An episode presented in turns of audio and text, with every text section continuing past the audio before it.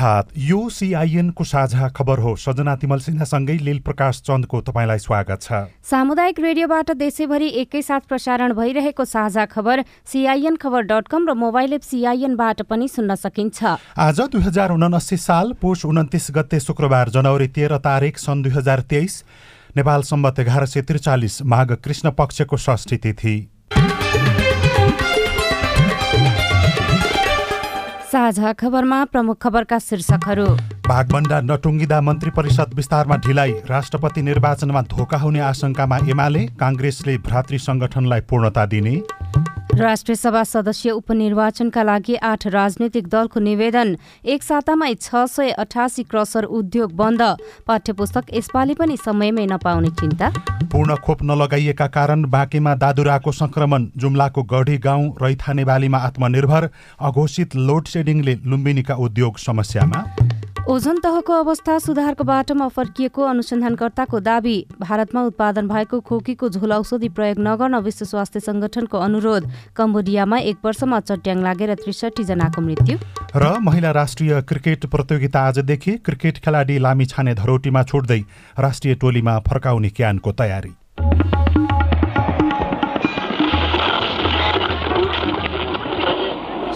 Radio. हजारौं radio कर्मी र करोडौं नेपालीको माझमा यो हो सामुदायिक सूचना नेटवर्क सिआइएन साझा खबरको सबैभन्दा सुरुमा जनक शिक्षा सामग्री केन्द्रले कमसल खालको कागज ल्याउनको लागि भइरहेको प्रयास र लागिराखेको आरोपको प्रसङ्ग। जनक शिक्षा सामग्री केन्द्र लिमिटेडका कागज आपूर्तिको विषय विवादमा परेको छ। विद्यालय तहको पाठ्यपुस्तक छपाई तथा वितरणको जिम्मेवारी बोकेको केन्द्र अहिले कम गुणस्तरको कागज खरिद गरेको आरोपमा मुछिएको हो। सोही आरोपमा केन्द्रले प्रयोग गर्ने कागज बोकेका तेह्रवटा ट्रक बुधबारदेखि प्रहरीको नियन्त्रणमा छन्।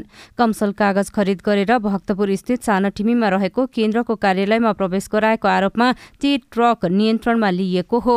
प्रहरीले ट्रक नियन्त्रणमा लिएपछि हिजो शिक्षा विज्ञान तथा प्रविधि मन्त्रालयले अनुगमन गरेको छ। अनुगमनमा सहभागी मन्त्रालयका सहसचिव तथा प्रवक्ता दीपक शर्माका अनुसार अनुसार केन्द्रको कार्यालय परिसरमा चारवटा र परिसर बाहिर रहेका नौवटा ट्रक नियन्त्रणमा लिइएको छ। केन्द्रलाई कागज आपूर्ति गर्ने कम्पनीले गत कार्तिकमा ल्याएको कागज सम्झौता भन्दा कम गुणस्तरको देखिएपछि पुस चौबिस गते जनकपुर फिर्ता लैजान ट्रकमा लोड गरिएको थियो। उक्त ट्रक बुधबार नयाँ कागज लिएर आएको भन्दै केन्द्र परिसरमा छिरेको थियो तर सो ट्रक जनकपुर नगई कम गुणस्तरको भनिएको कागज नै बोकेर बीच बाटोबाटै फर्किएको सरकारवालाले बताएका छन्। पुरानै कागज बोकेर सार्वजनिक विदाको दिन केन्द्र परिसरमा ट्रक छिरेपछि सरकारवालाले प्रहरीमा उजुरी गरेका थिए। कार्तिकमा ल्याइएको कागज गुणस्तर तथा नाप्तोल विभागमा परीक्षण गर्दा सम्झौता भन्दा कम गुणस्तरको रहेको पाइएको थियो। ट्रकमा गुणस्तरहीन कागजात आएको या नआएको भन्ने बारेमा अनुसन्धान भइरहेको जनक शिक्षा सामग्री केन्द्रले जनाएको छ। शिक्षक दरबन्दी विद्यालयको पूर्वाधार लगायतका समस्या हरेक वर्ष दोहोरिन छोडेको छैन। समाधानका लागि मन्त्री विभाग स्तरबाट पटक पटक प्रतिबद्धता र योजना आउने विषयमा पर्छ पाठ्यपुस्तक छपाई अनि आपूर्ति समयमै पाठ्यपुस्तक पाइने र पठन पाठनको काम पनि समयमै सकिने विद्यालय विद्यार्थीको अपेक्षा यसपालि पनि पूरा हुनेमा सरकारवाला निकाय ढुक्क छैनन्। नयाँ शैक्षिक सत्र शुरू हुन तीन महिना मात्र बाँकी छ। अध्ययन अध्यापनका लागि विद्यालय विद्यार्थी र अभिभावकले तयारी र मनस्थिति बनाउँदै गर्दा सुदूरपश्चिम सहित प्रदेशका दुर्गम जिल्लामा अझै किताब पुगेको छैन।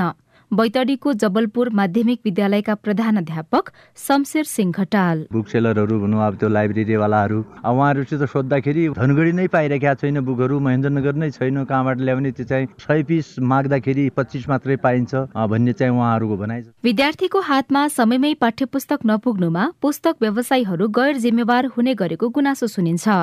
तर उनीहरू दोष अर्कैको हो भन्छन्। सुर्खेतका पुस्तक व्यवसायी जगत शर्मा बितेको दस वर्षमा समयमै पुस्तक पुर्याउन सकिएन भन्नुहुन्छ। आज एउटा विषय छ पर्सि अर्को विषय छैन। समयमा स्थानीय निकायमा विद्यालयमा बजेट पनि नजाने किताब खरिद गर्न नसक्ने वातावरण पनि छ। पुरा सेट भएर पोका पारेको रेकर्ड मेरो दस वर्षमा छैन। पाठ्यक्रम विकास केन्द्रले यस वर्ष लागू हुने कक्षा पाँच आठ र दसको नयाँ पाठ्यक्रम मध्ये कक्षा आठको मात्रै जनक शिक्षा सामग्री केन्द्रलाई बुझाउन बाँकी छ। जुन काम अबको एक साताभित्र सकिने महानिर्देशक वैकुण्ठ अरियालको भनाइ छ। जनक शिक्षा सामग्री केन्द्रले कक्षा एकदेखि तीनसम्मका बाह्र लाख थान चारदेखि दससम्मका दुई करोड़ चार लाख थान पुस्तक छाप्ने काम गरिरहेको छ। कक्षा एघार र बाह्रका लागि भने चौबिस लाख थान पुस्तक छापिँदैछ।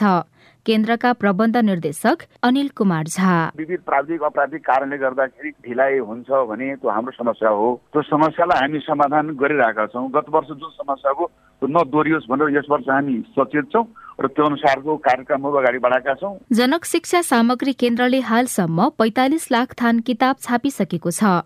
शिक्षा मन्त्रालयका अनुसार सरकारी र निजीका गरी बयासी लाख विद्यार्थी छन्। उनीहरू सबैको हातमा किताब पुर्याउने गरी काम भइरहेको दावी मन्त्रालयका प्रवक्ता दीपक शर्माको छ।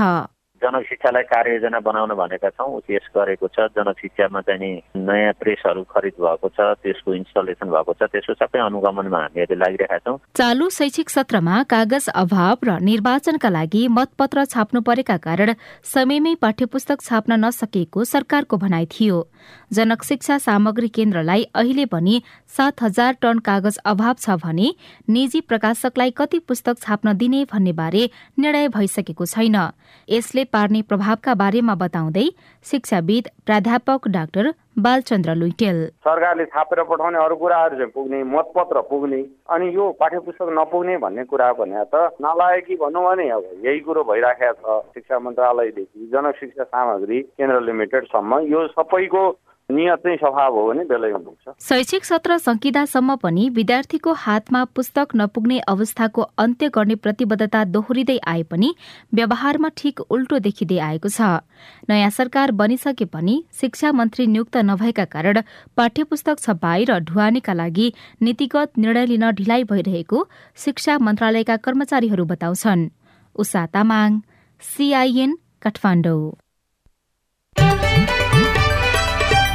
शिक्षापछि अब राजनीतिक प्रसंग प्रधानमन्त्री पुष्पकमल दाहाल प्रचण्डले विश्वासको मत लिए लगत्तै मन्त्री परिषद विस्तार गर्ने तयारीमा रहेका सत्ता साझेदार दलहरूले मन्त्रालयको बाँडफाँट नै टुङ्गो लगाउन सकेका छैनन्। माओवादी अध्यक्ष एवं प्रधानमन्त्री दाहाल र एमाले अध्यक्ष केपी शर्मा ओलीबीच लगातार हिजो र अस्ति छलफल भए पनि मन्त्रालय भागबण्डा हुन सकेन।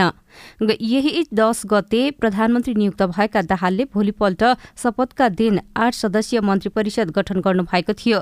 तीन उप प्रधानमन्त्रीको जिम्मेवारी त्यति बेलै तोकिएकामा चार मन्त्री अझै बिना विभागीय छन्। दाहालले मंगलबार प्रतिनिधि सभाबाट विश्वासको मत लिनु भएको छ। नेताहरूले मन्त्रालय मात्रै नभए एकमुष्ट रूपमा शक्ति बाँडफाँड हुनुपर्ने बताइरहेका छन्। मन्त्री परिषद विस्तार लगायतका विषयमा छलफल गर्न हिजो बोलाइएको सत्तारूढ गठबन्धनको बैठक पनि सरेको थियो। तर सत्तारूढ गठबन्धनको बैठक अघि प्रधानमन्त्री पुष्पकमल दाहाल प्रचण्ड र एमाले अध्यक्ष ओलीले भने छलफल गर्नुभएको छ। प्रधानमन्त्री निवास बालुवाटारमा मन्त्री परिषद विस्तार र सभामुख उपसभामुख निर्वाचन लगायतका विषयमा दाहाल र ओलीबीच छलफल भएको माओवादी नेता देवेन्द्र पौडेलले जानकारी दिनुभयो।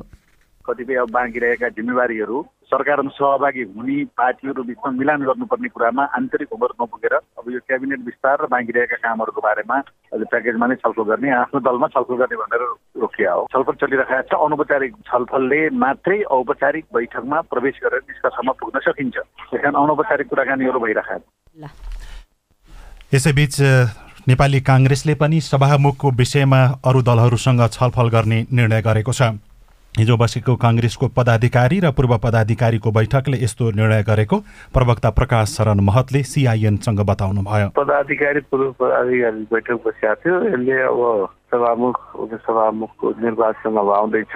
संसदमा भएका अन्य दलहरूको पनि दृष्टिकोण के छ कसरी जाने सोच छ त्यस विषयमा छलफल चलाउने र त्यसका आधारमा पार्टीले आफ्नो धारणा बनाएर प्रस्तुत हुने। एउटा अर्को चाहिँ यो पार्टीको विभागहरूलाई चाँडै पूर्णता दिने। त्यसमा सबभन्दा पहिला नेवी सङ्घलाई पूर्णता दिने किनकि अहिले चाँडै नै यो सुविध निर्वाचन पनि आउँदैछ। पहिलो त्यसलाई पूर्णता दिएपछि अरू भारतीय सङ्गठनहरूलाई पनि पूर्णता दिने।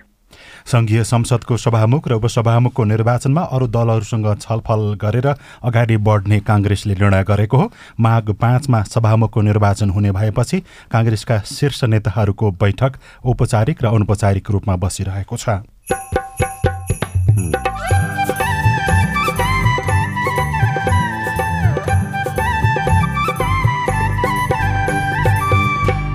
सामुदायिक सूचना नेटवर्क सिआइएन मार्फत देशभरि प्रसारण भइरहेको साझा खबरमा रैथाने बालीमा आत्मनिर्भर बन्दै जुम्लाको गढी गाउँ अब मकै अब यस्तै पाउनेले अब कतै पचास साठी अब कट्टा बिस तिस कट्टा अब पूर्ण सोह्र कट्टादेखि त कसैले पाउँदैन। पूर्ण खोप नलगाइएका कारण बाँकेमा दादुराको संक्रमण अघोषित लोड सेडिङले लुम्बिनीका उद्योग समस्यामा राष्ट्रिय सभा सदस्य उपनिर्वाचनका लागि आठ राजनैतिक दलको निवेदन लगायतका खबर बाँकी नै छन्। सिआइएनको साझा खबर सुन्दै गर्नुहोला। सबैलाई नमस्कार। अध्यक्ष उपाध्यक्ष सदस्य सबै पो आउनुभएछ त। हामी त विपद व्यवस्थापनमा जनप्रतिनिधिको भूमिकाकै बारेमा पो छलफल गर्दै थियौँ। अनि के छ निष्कर्ष सुनौ न त? बाढी पहिरो भूकम्प लगायतका विपदको समयमा महिलाका समस्या सम्बोधन गर्न पालिकाले अझ धेरै काम गर्न सक्छ भन्ने हाम्रो बुझाइरह्यो। विपद सम्बन्धी स्थानीय नीति कानुन मापदण्ड बनाउने र कार्यान्वयन अनुगमन नियमनको अधिकार स्थानीय सरकारलाई छ। त्यसमा महिलाको पनि सहभागिता बढाउनु पर्यो। पालिकाको अध्यक्ष मै छु। पाएको अधिकार अनुसार हामी बनेको कानुन कार्यान्वयन गर्ने अनि आवश्यक कानुन बनाउने चरणमै छौँ। अब तपाईँका सुझाव पनि समेटिन्छन् है। विपदको तयारी र प्रतिकार्यका लागि पालिकामा रहेको संयन्त्र र योजना अनि नीतिहरू महिला बालबालिका अपाङ्गता भएका यौनिक अल्पसंख्यक समुदायका व्यक्तिको आवश्यकतामा आधारित हुनु पर्यो अध्यक्षज्यू। दिदीबहिनीहरूले सही कुरा उठाउनु भयो यहाँ उठेका सबै कुरा कार्यपालिकाको बैठकमा राख्ने प्रतिबद्धता जनाउँदै बरु अध्यक्षज्यू अहिलेसम्म बनेका कानुन कस्तो बने? अनि भविष्यमा कस्तो बनाउने भन्ने बारे भोलि नै एउटा छलफल राखौँ न हुन्न? विपद पहिले विपदको बेला र विपद पछि कस्तो नीति बनाउने र महिलालाई कसरी सम्बोधन गर्ने भन्ने बारेमा भोलि नै सर्वपक्षीय बैठक गरौँ। आएका सुझाव समेटेर बनेका कानुन संशोधन र नयाँ कानुन बनाउन पालिका तयार छ। विपद सम्बन्धी कानुन निर्माण र कार्यान्वयनमा महिलाको अर्थपूर्ण सहभागिता खोजौँ। युएन उमनको सहयोगमा ल्याक र अकोराब नेपाल।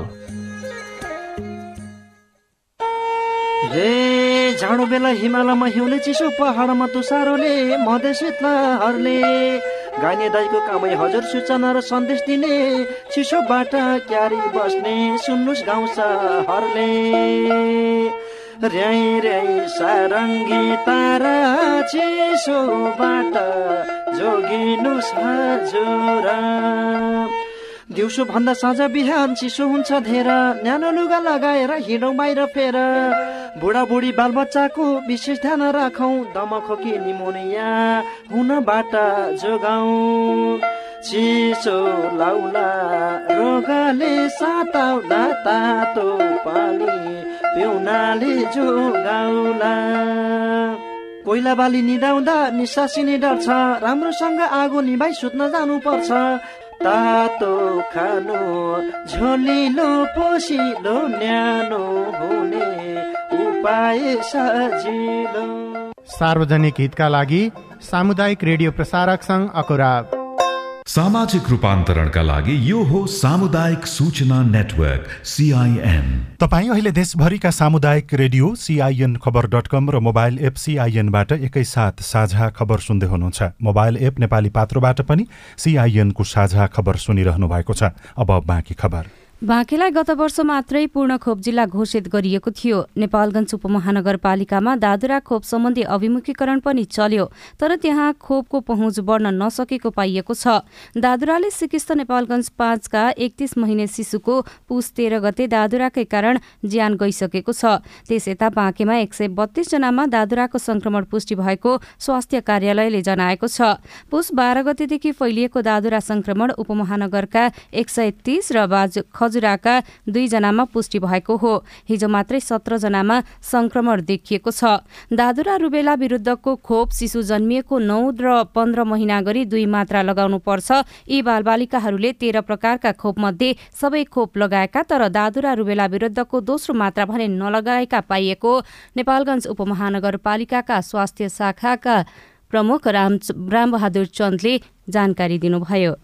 खास गरेर पाँच वर्षदेखि पन्ध्र वर्षको मलाई देखिरहेको छ अहिले होइन? र योभन्दा पहिला चाहिँ त्यहाँ त्यो त्यो समूहकोले अहिलेसम्म हेर्दाखेरि हामीले जति पोजिटिभ छ एक सय तिसजना त्यो मध्येमा कसैले पनि पूर्ण खोप लिएको अवस्था छैन। अब यो किन हो भन्दाखेरि हामीले चाहिँ दुई हजार छयत्तरमा चाहिँ पूर्ण खोप घोषणा गऱ्यौँ होइन? त्योभन्दा पहिले पनि बच्चाले खोप नलागेको अवस्था छ। अहिले खोप नै जहाँ लगाउन छुटेको थियो त्यही क्षेत्रलाई फेरि पूर्ण खोप भनेर चाहिँ कसरी घोषणा गरियो त? हामीले खोप लगाउने भनेको नौ महिनादेखि पन्ध्र वर्षको बच्चाहरूलाई खोप लगाएको अवस्था हेर्ने हो हामीले होइन? तर यो महामारीको रूप लिँदाखेरि अहिले चाहिँ पाँचदेखि पन्ध्र वर्षको बच्चाहरूलाई त्यस्तो केसहरू देखिरहेको छ।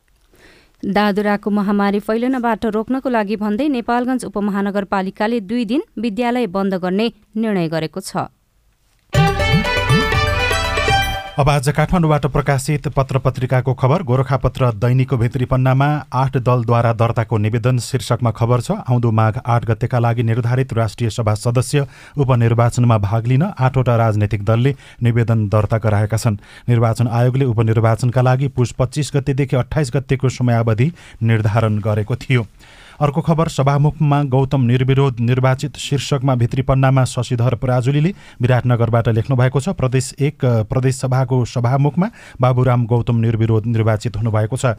प्रदेश सभाको सभामुख पदका लागि विभिन्न समयमा गौतमको मात्रै उम्मेदवारी परेको थियो। निर्धारित समयमा बिहिबारको प्रदेशसभा बैठकमा सभामुखको भूमिकामा रहनुभएका ज्येष्ठ सदस्य ज्ञानन्द मण्डल गणगाईले गौतमलाई निर्विरोध निर्वाचित भएको घोषणा गर्नुभएको हो।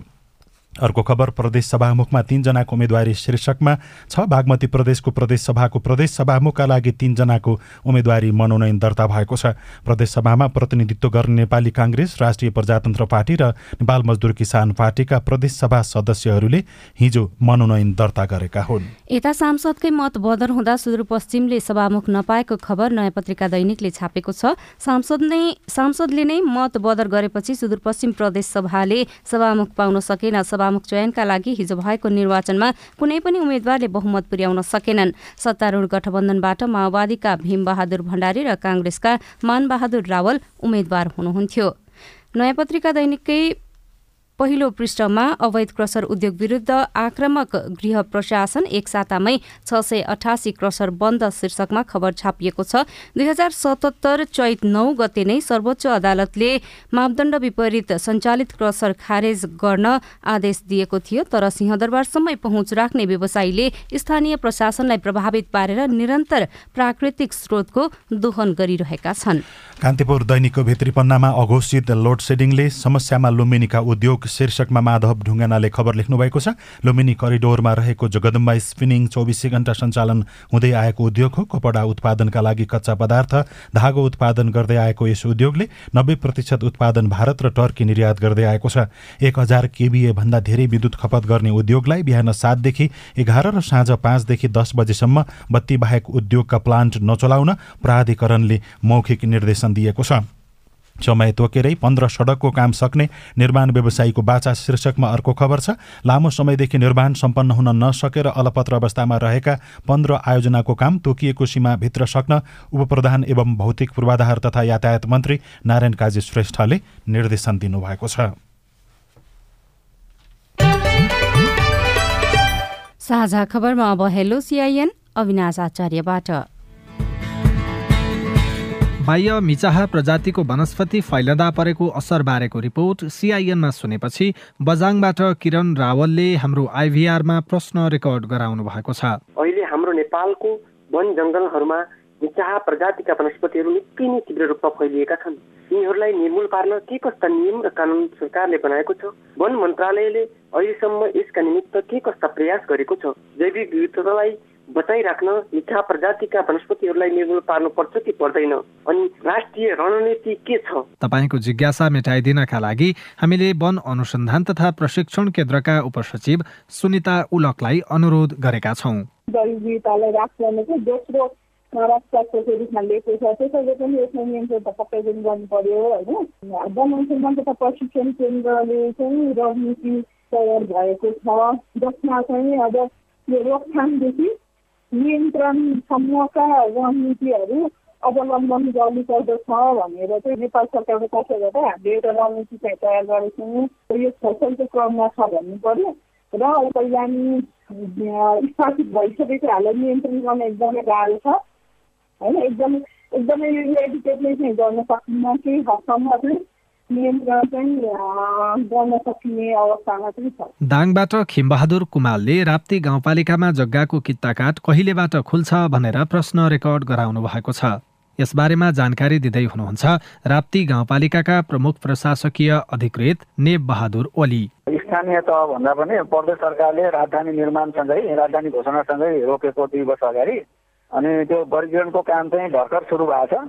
अब राजधानीले छोड्ने चौधवटा वडामा नै ल्यान्ड पुलिङको योजना अगाडि बढाएको हुनाले स्थानीय तहले गर्ने अधिकार भए पनि अब प्रदेश सरकारको पनि आफ्नो चाहिँ प्लान अनुसार नै जानुपर्ने भएको हुनाले राजधानीको त्यो जुन वर्गीकरण छ र हाम्रो पालिकाको वर्गीकरणमा समन्वय ल्याउनु पर्ने भएको हुनाले दुइटै कुरा सँगै टुङ्गिने गरी प्रदेशले नटुङ्गिनसम्म पालिकाले टुङ्गाउन नसक्ने अवस्था रहेको छ अनि सुनसरीबाट महाशङ्कर शाहले आफ्नो नागरिकता र शिक्षक लाइसेन्समा आफ्नो र बुबाको नाममा केही फरक परेको भन्दै यसले शिक्षक सेवा आयोगले निकाल्ने विज्ञापनमा आवेदन दिन समस्या हुन्छ कि भनेर जिज्ञासा राख्नु भएको छ।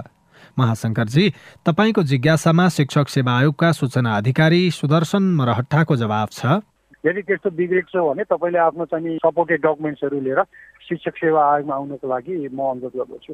तपाईँ जुनसुकै बेला हाम्रो टेलिफोन नम्बर शून्य एक बाहन्न साठी छ चार छमा फोन गरेर आफ्नो प्रश्न जिज्ञासा गुनासा तथा प्रतिक्रिया रेकर्ड गर्न सक्नुहुन्छ।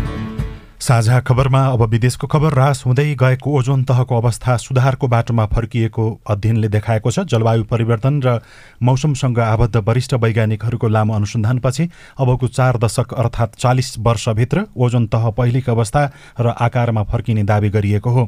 ओजोन तहको विनाशका कारण रहेको औद्योगिक रासायनको प्रयोगको कमीका कारण ओजोन तह फेरि साबिक अवस्थामा फर्किने लयमा अग्रसर रहेको उनीहरूको तर्क छ। विश्व स्वास्थ्य संगठन डब्लुएचओले भारतमा उत्पादन हुँदै आएको खोकीको झोल औषधि डक ए म्याक्स प्रयोग नगर्न अनुरोध गरेको छ। यो औषधि बालबालिकाको लागि प्रयोग हुने गरेको थियो। भारतको मेरियन बायोटेकले उत्पादन गरेको खोकीको झोल औषधि गुणस्तरहीन भएको र कम्पनीले सुरक्षा र गुणस्तरको सुनिश्चितता प्रदान गर्न नसकेको भन्दै विश्व स्वास्थ्य सङ्गठनले प्रयोग नगर्न अनुरोध गरेको हो। र कम्बोडियामा एक वर्षमा चट्याङ लागेर त्रिसठीजनाको मृत्यु भएको छ। कम्बोडियाको प्रकोप नियन्त्रणका प्रवक्ता सोथ किम क्लोमोनीले सन् दुई हजार बाइसमा चट्याङ लागेर त्रिसठीजनाको मृत्यु भएको जानकारी दिनुभएको हो। साझा खबरमा अब खेल खबर। प्रधानमन्त्री कप महिला राष्ट्रिय टी ट्वेन्टी क्रिकेट प्रतियोगिता सुरु हुँदैछ। नेपाल क्रिकेट संघ क्यानको आयोजना र सुनसरी जिल्ला क्रिकेट संघको सह आयोजनामा आजदेखि इटहरीमा प्रतियोगिता सुरु हुन लागेको हो। प्रतियोगिताको विजेताले पाँच लाख र उपविजेताले तीन लाख रुपियाँ पुरस्कार पाउनेछन्।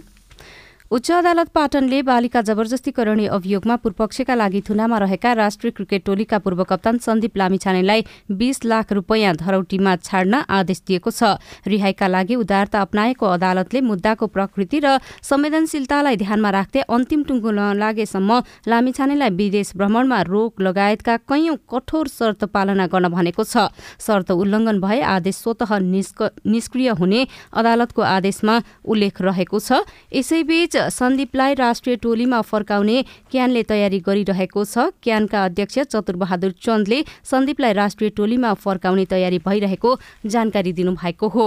र राष्ट्रिय खेलकुद परिषद राकेपले पहिलो संस्करणको Nepal T twenty league cricket प्रतियोगिता सकिएको भोलिपल्ट। हिजो नै राष्ट्रिय टोलीका कप्तान पूर्व कप्तान तथा पूर्व प्रमुख प्रशिक्षकलाई स्पट फिक्सिङ र म्याच फिक्सिङ बारे बयान लिएको छ। राखेपले गठन गरेको छानबिन कार्यदलले छानबिनका क्रममा राष्ट्रिय क्रिकेट टोलीका कप्तान रोहित कुमार पौडेल पूर्व कप्तान पारस खड्का ज्ञानेन्द्र मल्ल र पूर्व प्रमुख प्रशिक्षक जगत तमाटालाई बोलाएको हो। क्यानले आज राखेपले आज क्यान पदाधिकारीसँग बयान लिने भएको छ। रैथाने बाली जोगाउनका लागि समुदायको प्रयास रिपोर्ट अरू खबर र कार्टुन पनि बाँकी नै छ। सिआइएनको साझा खबर सुन्दै गर्नुहोला। बाल विवाह विरुद्ध धर्मगुरुहरूको प्रतिबद्धता। वैदिक साहित्यमा बाल विवाह छैन। बाल विवाह हाम्रो मण्डली अन्तर्गत भएको छैन। हाम्रोमा बाल विवाह हुँदैन। यो मुद्दुमले भनेको कुरा हो र हाम्रो व्यवहारमा त्यस्तो नै छ। राधामिस गीता बाइबल कुरान वेद लगायतका सबै धर्मका ग्रन्थहरूले बाल विवाह गर्नुहुन्न भनेको भनेर धर्मगुरुले रेडियोबाट भनेको सधैँ सुन्ने गरिन्छ। तर किन बाल विवाह अन्त्य नभएको होला? हाम्रो नगरलाई बाल विवाह मुक्त गराउन अब के गर्ने होला? त्यो त हो नगर प्रमुख ज्यू भनेर मात्रै पुग्दैन। सबै धर्मका धर्मगुरुहरूले म बाल विवाह गराउने काममा संलग्न हुन्न भनेर प्रतिबद्धता जनाउने र अरूलाई पनि त्यस्तै सिकाउने कार्य गर्न सके मात्रै त्यो कार्य प्रभावकारी हुन्छ। अनि बाल विवाह विरूद्ध काम गर्ने संघ संस्थाहरू र तपाईँहरू जस्ता स्थानीय सरकारले पनि धर्मगुरू र धार्मिक अगुवाहरूलाई यो अभियानमा सँगसँगै सहभागी गराएर अघि बढाउन सके। बाल विवाह लगायतका हानिकारक परम्परागत अभ्यास अन्त्य गर्न सकिन्छ। हुन्छ राधामिस म त्यसै गर्छु। ओल्ड भिजन इन्टरनेसनल नेपाल र अकुराब। सामाजिक रूपान्तरणका लागि यो हो सामुदायिक सूचना नेटवर्क सीआईएन साझा खबरमा अब बालीमा आत्मनिर्भर गाउँको कथा। पातारासी हिमालको काखमा अवस्थित जुम्लाको गढी गाउँ रैथाने बालीले आत्मनिर्भर छ। नेपालका एघारवटा रैथाने बाली मध्ये अधिकांश बाली यो गाउँमा पाइन्छन्। पोषणको दृष्टिले महत्वपूर्ण मानिने रैथाने बाली लोप हुने खतरा बढ़िरहँदा गढीगाउँ गाउँ गढी गाउँ यसको जगेर्नामा उभिएको छ। पातरासी हिमालको काखमा रहेको जुम्लाको गढीगाउँ पुग्दा पश्चिम तर्फबाट प्रवेश गरेको बादलले आकाश ढाक्दैछ। तापक्रम माइनस एक डिग्री सेल्सियसमा झरेको छ। पानीको मूल धारा र खोला किनारमा बरफ जमेको छ। मौसमले हिमपातको संकेत गरिरहँदा स्थानीय बाटुली बुढालाई भने ढुङ्गे उखलमा मकै कुट्ने चटारो छ। त्यही त पानीमा भिजाइएको मकैलाई ढुङ्गे ओखलमा कुटेर दाना बाहिरको भुस फालेपछि मात्रै सिमीसँग मिसाएर कोल खान योग्य हुन्छ। हरेक वर्षको हिउँदमा सिमी र मकैको मिश्रित कोल र फाफरको रोटीले भोक मेटाउँछन् गढी गाउँवासी पानी हाल्यो अनि कुट्यो अनि फलिजान्छ त्यो किन फल्नुपर्छ? त्यो भुस फाल्लालाई। त्यही त खर्च दुई सय सत्तरी घरधुरीको गढी गाउँ रैथाने बालीले आत्मनिर्भर छ। गाउँमा खाद्यान्न आयात हुँदैन। घरै पछि न्यूनतम पाँच क्विन्टलदेखि पच्चिस क्विन्टलसम्म मकै सोही मात्रामा गहुँ र तीसदेखि पचास क्विन्टल आलु उत्पादन हुन्छ। गाउँमा फाफर खेती गर्ने किसानहरू पनि छन्। उत्पादित अन्नले गाउँका मानिस मात्रै पालिएका छैनन्। सुक्खा हिउँदमा पशुवस्तुलाई दाना पनि पुगेको छ।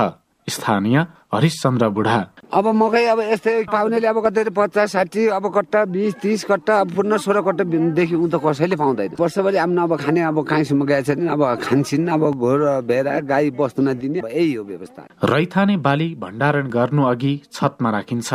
माटोले बनेका घरहरू आपसमा जोडिएका छन् जसलाई बाडा भनिन्छ। यही बाडामा अन्न चुट्ने गरिन्छ। स्थानीय बिर्खा बुढा। यहाँको लागि त माटे घर तातो हुन्छ। अहिले पुस्ता यो जस्तो चालिस पचास वर्षको आयु छ भने राम्रो सुचा पायो भने हाम्रो माटे घर सय वर्ष बाँध्न सक्छ। गढी गाउँ रैथाने बालीमा आत्मनिर्भर छ तर पछिल्लो समय जुम्लामा रैथाने बालीको खेती घटिरहेको देखिन्छ। कृषि विकास कार्यालय जुम्लाका प्रमुख गणेश अधिकारीका अनुसार नेपालका चिनो कागुनो कोदो फापर मार्सिधान उवा सेतो भट्ट लगायत एघारवटा रैथाने बाली मध्ये अधिकांश बाली जुम्लामा उत्पादन हुन्छ।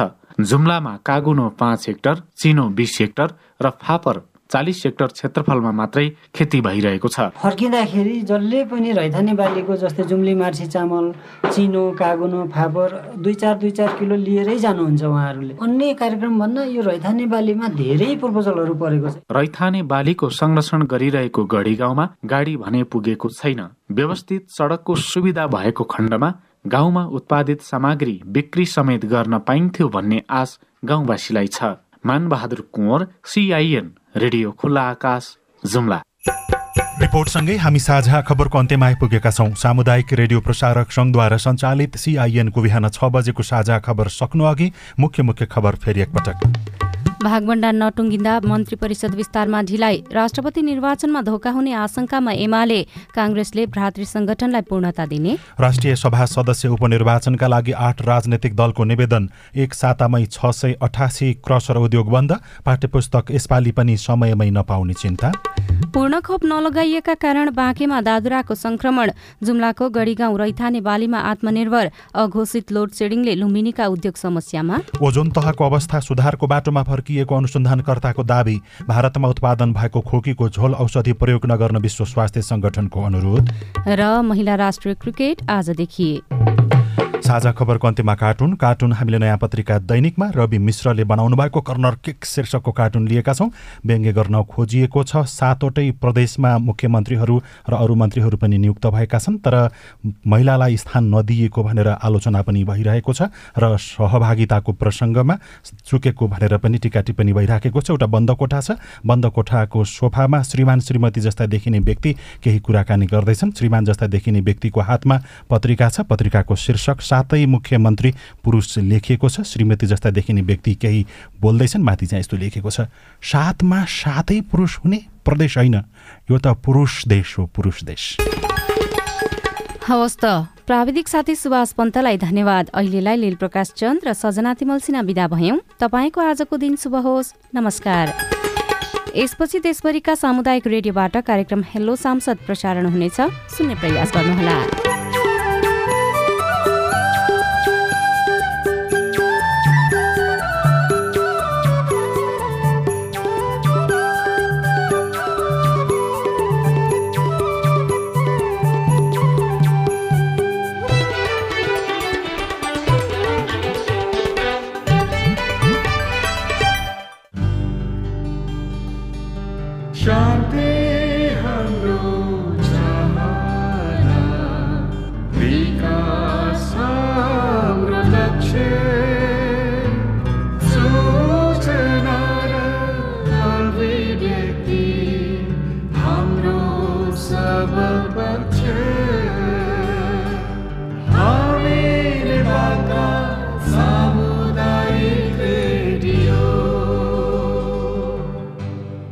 सामाजिक रूपान्तरणका लागि यो हो सामुदायिक सूचना नेटवर्क सिआइएन